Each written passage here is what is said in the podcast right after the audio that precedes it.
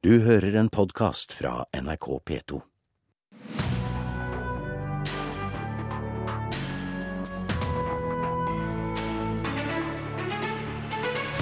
Munch forringes, sier kunstner Viktor Lind. Vi må slutte å forherlige nasjonalikonet, svarer kunstner Unni Askeland. Debatten om Munch-museets utstilling av Melgaard og Munch fortsetter. Franske medier refses for dekningen av terroren mot Charlie Hebdo og Korser-butikken.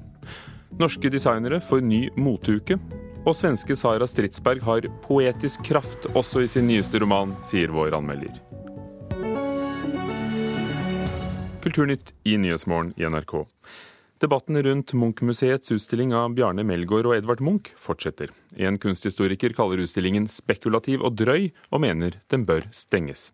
Aftenpostens kunstkritiker ønsker aldersgrense på utstillingen Melgaard pluss Munch. Slutten på alt har allerede skjedd, som den heter. Og kunstner Victor Lind mener museet krenker Edvard Munchs kunst. Det krenker og forringer, som det heter i åndsverksloven. Det sier kunstner Victor Lind, og han er ikke den eneste som har reagert på utstillinga til Munch-museet, som sammenstiller Bjarne Melgaard med Munch. Kritikken har faktisk hagla etter at utstillinga titulert Melgaard pluss Munch – The End of It All Has Already Happened åpner 31. De kritiske røystene har kommet fra flere hold og har vært mangetydige. Det har vært framlegg om å sette aldersgrense på utstillinga, og ord som drøyt og spekulativt har sirkulert i diskusjonen. Altså Melgaard tar ikke stilling til det han stiller ut. Han sier ingenting om hva han vil med dette. Han forklarer ikke det at han eh, stiller ut pedofili, at han stiller ut sadomasochisme, at han stiller ut sadisme, at han stiller ut anuspenetrering med pistol, at han stiller ut små barn som blir sett på med seksualiserte blikk og, og, unge mennesker Det er så spekulativt. Han, han snakker ikke om det. Hva er det han vil? Vil han leg legitimere det, eller vil han advare? Det sa kunsthistoriker Hilde Rognerud på Aktuelt i går. Viktor Lind tykker ikke at en skal stenge utstillinga, men reagerer på hvordan Munch sin kunst blir behandla. Nei, mitt anliggende, det er forvaltningen av Munchs kunst i denne utstillingen. Hvis det hadde vært satt sammen på en ordentlig måte, så hadde jo det vært fint. Den. Resultatet er at det har blitt en Melgaard-utstilling med Munch-bildene som rekvisitter. Og det betyr at uh, Munch har jo ikke noe utstilling på Munch-museet. Det er Melgaard som har utstilling der. Bjarne Melgaard vil ikke kommentere kritikken ovenfor NRK. Da vi spurte han på åpninga om han sjøl føler et slektskap med Munch, svarte han slik. Eh, egentlig ikke. Altså, jeg, jeg, har gjort noen sånne parafraser på Munch, for Munch har jo vært en kunstner som er umulig på en måte å komme vekk ifra hvis du er norsk. Da. Så, men jeg syns ikke jeg synes, Personlig så syns jeg ikke det. At det er så veldig mye slektskap. Billedkunstner Unni Askeland kjenner Melgaard godt, og har sjøl jobba med Munch i sin kunst. Hun er ikke samd i kritikken. Jeg er ikke enig i det, men jeg tenker, hva er galt i å bruke Munch som rekvisitt i 2015? Vi må slutte å forherlige vårt eneste nasjonale kunstvåpen, liksom, eller vår nasjonalskatt som ingen skal lefle med. Liksom. Altså, vi, må, vi, må, slutte. Det blir jævlig kjedelig hvis vi skal fortsette sånn på den måten her. fordi da, da, får vi det, liksom, da, det, da, da, dør det ut. Hun har sjøl fått kjenne på kroppen at det ikke er bare bare å gi seg i kast med meisteren sjøl, men mener at det er viktig at en tør å gjøre nettopp det. Nei, Det blir liksom som i kirken. Man skal ikke spytte Guds hus på en måte. eller et eller annet sånt. Altså, Munch er vår nasjonalskatt. Munch er liksom det helligste vi har. Det er det vi er, eh, er stolt av. Det er det vi liksom skal fremme. Nå får vi Munch-museum. Altså, Hurra, det er kjempebra. Men dette er i ville Norge. Liksom, det, det, finnes jo så mye hvis man krysser grensene. Det begynner å bli sånn gjesp og litt kjedelig, og det begynner å bli litt sånn overdrevet. Det er veldig bra faktisk at dette skjer med Melgaard og Munch nå. Lind tror på sin side at Munch sjøl hadde rynka på nesen om han hadde vært blant oss i dag. Jeg tror ikke Munch hadde likt det. Munch har, har laget bildene sine ut ifra tanken om at bildet skal vise i sin helhet. Det skal ikke henge noe foran deler, deler av bildet. Eller han skal være i et kaos av visuelle virkemidler. Det har ikke Munch eh, laget bildene sine til. Det tror jeg nokså sikkert at han ikke ville like. Sa Viktorin, reporter Guro Kvalnes. Utstillingen forringer ikke Munchs kunst, og er heller ikke spekulativ, svarer Munch-museets direktør Stein Olav Henriksen. Den er ikke på noen måte spekulativ. Den tar opp eh, helt eh, nødvendige, relevante, for så vidt eh, i tiden, relevante problemstillinger.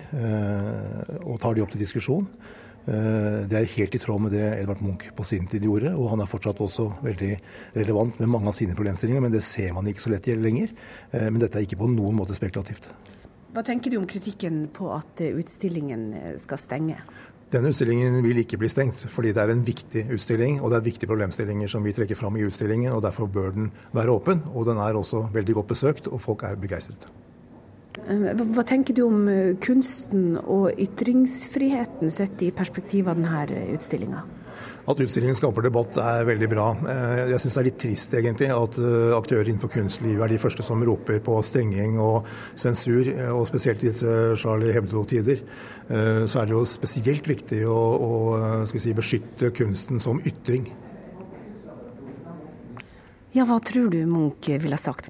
Munch var opptatt av å ta opp problemstillinger i samfunnet sitt Eh, som var problematiske. Og mange av de er der fortsatt. Altså I pubertet så ser vi eh, denne sårbare kvinnen. Det er fortsatt eh, mange sider ved kvinners seksualitet og unge kvinners seksualitet vi ikke diskuterer i vårt samfunn. Men det var altså enda vanskeligere på den tiden. Så mye av det Edvard Munch gjør, er jo nettopp å sprenge moralske grenser, diskutere etiske problemstillinger. Og, og derfor så møter han også veldig mye motstand i sin kunstnertid. Hva tenker du om kritikken som mener at denne utstillinga forringer og vanærer Munch sin kunst? Det er jo to sider ved dette som vi kanskje må få enda bedre fram. Det ene er jo at vi på museet må for det første innta en rolle i offentlig debatt.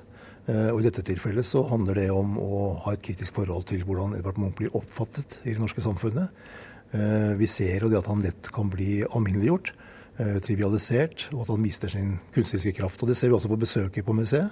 At det lokale besøket er relativt eh, beskjedent i forhold til internasjonale utstillinger f.eks. Eh, og det andre er jo det at, at, det er en misforståelse her, i og med at man tenker at man promoterer vanskelige problemstillinger. Det vi gjør, er jo å løfte fram problemstillinger som ofte er innenfor tabuområdet, og som det er viktig å få løftet fram i samfunnsdebatten. Og Vi ser jo det at disse områdene som går på sex, seksualitet, vold osv., og, så og særlig i forhold til ungdom og barn, Eh, de skygger som man under teppet. Eh, og, ønsker ikke å ha opp i det offentlige rom. Og det er et problem både for de som er offer og for de som er overgripere. Vi må få disse tingene fram. Det er det vi bl.a. gjør med denne utstillingen. Sa Stein Olav Henriksen, direktør på Munchmuseet i Oslo, til eh, reporter Tove Kampestuen Heirdal. Kulturkommentator her i NRK, Agnes Moxnes. Ordet spekulativt er brukt av flere. Er det spekulativt? Ja, På sett og vis så kan du si det. For jeg tror den viktigste oppgaven Munch-museet med direktør Stein Olav Henriksen har liksom gitt seg selv nå, det er faktisk å skape debatt om et museum som har liksom ikke hatt så altså I mange, mange år hatt dårligere og dårligere besøk. Nå er det på vei oppover. Det de skal gjøre, er å bygge interessen og skape forventninger til et nytt museum som skal stå ferdig i Bjørvika om fire år. De fikk jo enorme besøk på jubileumsutstillingen. Viser ikke det at det holder å lage en god utstilling med bare Munch for å trekke folk? Det er én måte å gjøre det på, men det som skjer her nå, er jo at det skapes en helt annen debatt om forholdet Munch hadde til sin samtid, og hvordan vi ser på han i, i dag, og hvordan vi behandler ham i dag. All debatt er godt, sier direktøren selv, men hvilke etiske valg har museet gjort når de stiller ut mennesker som har det som kalles kvelesex, eller bilder fra dette pedofilibladet fra USA? Først og fremst så har de latt uh, Melgaard komme til orde i all sin kontroversielle bredde. Uh, og så er det slik at, uh, at direktøren på Munch-museet har et slags redaktøransvar. Og det betyr jo at han også må stille seg spørsmål av typen skal Munch på sitt eget museum eh, spille annen fiolin, for det gjør han. Eh, og skal et offentlig museum ha en så kontroversiell utstilling at et naturlig publikum, som jo også er barn, altså familier og barn, bør eh, advares mot å oppsøke en utstilling som har helt opplagt sider som oppleves som støtende av mange. Og det mener han tydeligvis at de skal, siden de har gjort det? Ja, han mener det, og, og, men det er jo egentlig så er det, det er der egentlig den interessante debatten går. da, Hvilken rolle eh, har en museumsdirektør for et offentlig museum i Norge? Kritikerne var eh, ganske begeistret. De kunne ikke oppsummere det på den måten, men eh, her er to utsagn. Er du ute etter kunst som partybakgrunn, er Munch-museet rette sted, skrev VG. Et kraftfullt og jevnbyrdig visuelt ordskifte, sa Kulturnytts anmelder. Kunstkritikerne ropte ikke på skandale. Hvorfor kommer kritikken nå? Altså, Det var ikke så entydig, den kritikken. Det er jo også dem, bl.a. Morgenbladets kritiker, som mente at det var et fadermord som ble begått på, på Munch-museet nå. Men det er veldig mange i Norge som har et veldig sterkt forhold til Edvard Munch. Nå har utstillingen vært åpen noen uker, og da kommer debatten. Og så må man huske på, tror jeg, at det er mange som også langt inn i kunstveien tviler på om Bjarne Melgaard er en god kunstner. Eh, om han fortjener å få en plassering på Munch-museet. Og det tror jeg skaper en ekstra dimensjon og en ekstra opphetet temperatur i den debatten som pågår nå. Takk skal du ha, Agnes Moxnes. Flere medieforskere er kritiske til NRK Sportens PR-stunt i forkant av ski-VM i Falun i Sverige i går. En sportsreporter og den svenske langrennsløperen Robin Bryntesson hadde avtalt og iscenesatt en slåsskamp, noe som raskt ble plukket opp og dekket av både svenske og norske medier som en virkelig hendelse. Medieviter ved Høgskolen i Volda, Paul Bjerke, mener langrennsstuntet er kritikkverdig av flere grunner. Det problematiske er at for det første så skal journalistikken være sann. Eh, I dette tilfellet opptrer NRKs eh, reporter som skuespiller, og det er eh, i strid med presseetikken. Det er et kjennetegn av journalistikken at den er sann, det er det som skiller den fra andre former for virksomhet. Det andre er at journalister ikke har lov å opptre skjult og fordekt. Altså De skal opptre som seg selv, de skal vise klart hva, hva de er og hva de er ute etter. Det finnes unntak fra den regelen, men de er veldig strenge. Redaksjonssjef i NRK Sporten Janne Fredriksen sier at opptrinnet var et forsøk på å bringe humor inn i ski-VM, og at selv om stuntet kunne virke alvorlig, var det altså ikke det. Norsk barnebokinstitutt frykter at barn som bruker nynorsk, blir presset til å lese bokmål, skriver Dagsavisen. Bakgrunnen for bekymringen er barnebokstatistikken, som viser at bare 9 av 491 nye bøker for barn er på nynorsk. Styreleder i Språkrådet Ottar Grepstad mener Kulturrådet bør merke seg tallene, ettersom det kuttet i produksjonsstøtten for nynorsk litteratur i fjor. Klokken er kvart over åtte. Du hører på Nyhetsmorgen i NRK.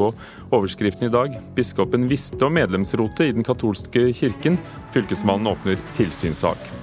Masseundersøkelser for hjerteflimmer kan forhindre to hjerneslag hver dag i Norge, ifølge en hjertespesialist.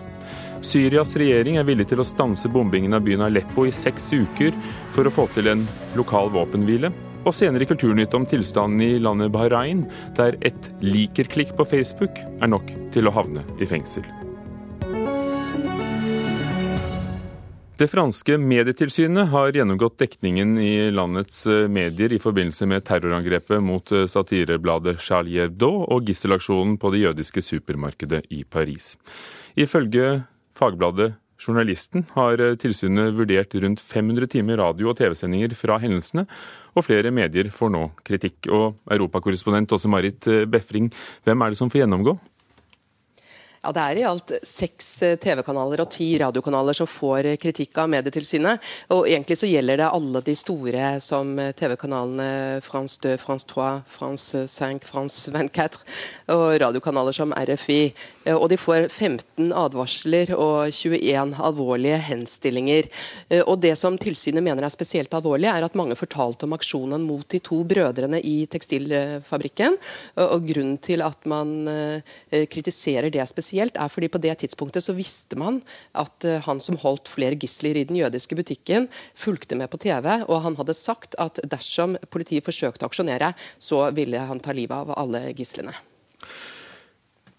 De får også kritikk for uh, å vise denne filmsnutten som gikk verden over, der en politimann blir skutt på gaten. Altså, hvilke flere overtramp var det som ble begått? Ja, de får eh, kritikk for eh, også å vise denne henrettelsen av politimannen. Selv om, han, eh, selv om, ansiktet var skjult, så hørte man skuddene. og Da mener de at det er å ta menneskeligheten fra ham. Og Ved siden av det så, så avslørte de to ganger skjebnesvangre detaljer om hvor gislene gjemte seg. Det ene var han som skjulte seg i tekstilfabrikken. Da en TV-stasjon fikk vite det, gikk de ut med dette. og Man visste jo da som sagt at, at noen noen eh, av disse terroristene da fulgte med på mediene. Eh, og til alt hell så, så visste ikke disse brødrene om han.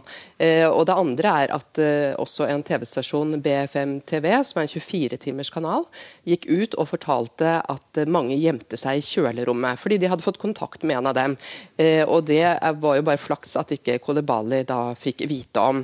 Men helt fra starten altså, så mener de at det er gjort mange overtramp her. Eh, og Bl.a. med dette med politimannen. Eh, og I tillegg så, så, går de ut med navnene på disse to brødrene før politiet har gått ut med dem. og Det forpurrer deres eh, etterforskning. Eh, og også denne 18-åringen som ble nevnt eh, som deltaker. Eh, det viste seg å være feil. Han var på skolen. Han ble truet på livet fordi at det, navnet hans ble kjent. Hvordan svarer radio- og TV-stasjonene selv på kritikken? Nei, Det er ingen som tar selvkritikk. De spør seg nå om de nå skal overlate alt til sosiale medier og slutte å rapportere i nåtid. Eh, og Radio France vil anke avgjørelsen eh, fordi at de mener at, eh, at her forsøker tilsynet å nekte dem å gjøre jobben sin. Og jeg må si at jeg var jo selv til stede ute ved denne landsbyen, og politiet eskorterte altså media inn og ganske nærme flere hundre Det var noen hundre meter fra fabrikken, men man kunne jo både høre smell og se røyken. Eh, og det er jo klart at Når kritikken også går på at man rapporterte om at de var i ferd med å aksjonere, så kan man jo kanskje også rette skytset mot politiet her.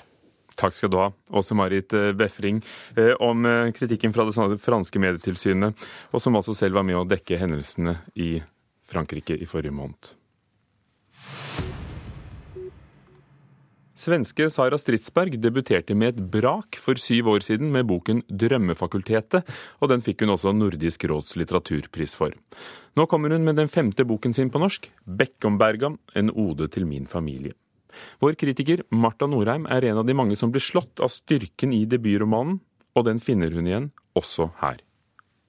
Ja, Sara Stridsberg hadde og har eh, en poetisk råskap som få andre.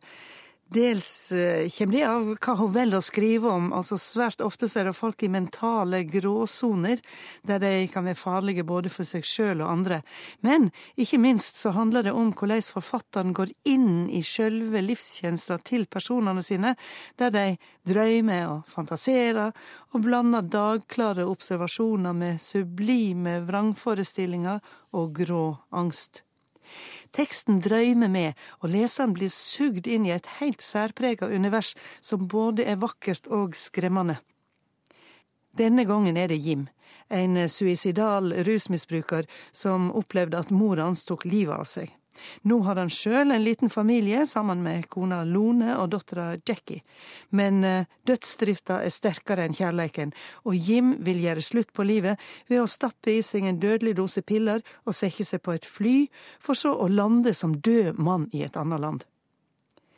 En grandios plan som endte på Bekkomberga, den store psykiatriske institusjonen utenfor Stockholm, der mange tusen plaga sjeler ble plassert og forsøksvis kurert fra 1930-tallet og fram til 90-tallet.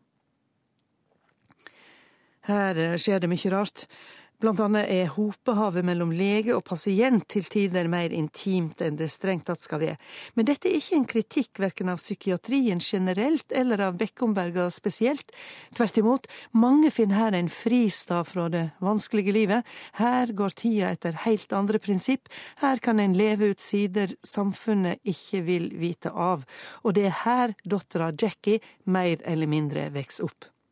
Hun eh, skulker skolen og henger med folka som sitter og kjederøyker i den vakre parken utenfor asylet. Det er selvsagt heller ikke bra. Men boka er ikke ute etter å plassere ting som bra eller ille.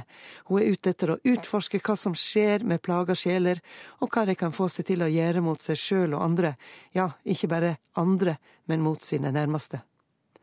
Heller enn moralsk indignasjon vekker romanen medkjensle og medliding. Det er ikke det verste en roman kan oppnå. Sa Marta Norheim, og romanen 'Bekkomberga' er oversatt til norsk av Monica Aasbrung. Sara Stridsberg er eh, gjest i eh, programmet Salongen på NRK P2 klokken 17 i ettermiddag. Det nye Motuken som kommer, er en liten motuke som heter Oslo Runway, og vil forsøke å fylle tomrommet etter nedlagte Oslo Fashion Week, og det skriver Dagens Næringsliv i dag. Arrangementet er finansiert av kosmetikkgiganten L'Oreal, og vil foregå på Design- og arkitektursenteret i Oslo i mars. og eh, Gisle Mardal, du er leder for Norsk Moteinstitutt, som står for den faglige støtten til arrangementet. Hva skal det bli? Oslo Runway er tenkt som en tjeneste og en ny visningsarena for eh, de mer modne norske motedesignbedriftene. Eh, og en ser at det er en etterspørsel etter en profesjonell arena for, eh, for disse bedriftene. Og det er ikke tenkt som en, som en motuke som sådan, men som et tilbud som skal foregå under motuken. I fjor ble Oslo Fashion Week avlyst pga. Av dårlig økonomi og manglende samarbeid i, i, i bransjen. Hvorfor tror du det vil gå bra nå? Jeg tror aldri Oslo Fashion Week ble avlyst pga. Av manglende samarbeid. Det er ganske stort samarbeid i bransjen. Men noe gikk galt, i hvert fall? Eh, noe gikk galt, og, og, jeg tenker at det har noe med at det var en epoke som er over. Eh, og det er litt sånn med kreativ destruksjon at en trenger nye tilbud eh, og nye forretningsideer og tjenester dukker opp, og dette er et av de. Hva er eget for norsk mote? Norsk mote er eget i den forstand at det er en ung bransje. Det er, som med alle unge bransjer, muligheter for nye ting og gjøre ting på en annen måte. Vi har en eh, veldig uh, sterk uh, hva skal jeg si, DNA sammen med de andre skandinaviske landene. og Dette er jo noe vi merker etterspørsel etter ute. da. Så Norsk mote som sådan er jo kobla på en litt større region og en litt større identitet som skandinavisk design. Og hvem er det som kommer i mars? I mars eh, publikumsmessig så er det for presse, det er for spesielt inviterte innkjøpere og det er for meningsdannere. Det er 120 stykker, så det er en veldig eksklusiv visning. Det er Veronica B. Valnes, Johnny Love og epilog by Eva Emanuelsen som viser på catwalken. Og hvilken rolle skal et prosjekt som Oslo Runway ha i forhold til motukene i København, i Stockholm? En, en, en motevisning eller en, en, sånn type catwalk runway den er basert på å bygge merkevare. Det er virkeliggjøringen av kolleksjonene som blir sett på mennesker, og så blir det tatt bilder av dette her. og De bildene de blir da sendt videre til viktige institusjoner, eh, style.com, L osv. Og, og så blir de da i halvår etter at disse visningene har blitt gjennomført, sirkulert i pressen, slik at en får oppmerksomhet rundt merkevaren sin. Det er hensikten. Og tror du det dermed også vil bli et kommersielt løft for de norske designerne? Det er jo det som er en veldig viktig bit av eh, visningene i det hele tatt. Jeg tror tidligere så var ideen om å vise eh, et slags resultat i seg sjøl. Eh, en sånn visning som dette her er jo et virkemiddel for å oppnå synlighet og skape kommersiell suksess. Blir det en årlig begivenhet, tror du, Oslo Runway? Jeg håper at det blir en biårlig begivenhet som følger motukene både i februar og august. Takk skal du ha, Gisle Mariani Mardal, leder for Norwegian Fashion Institute.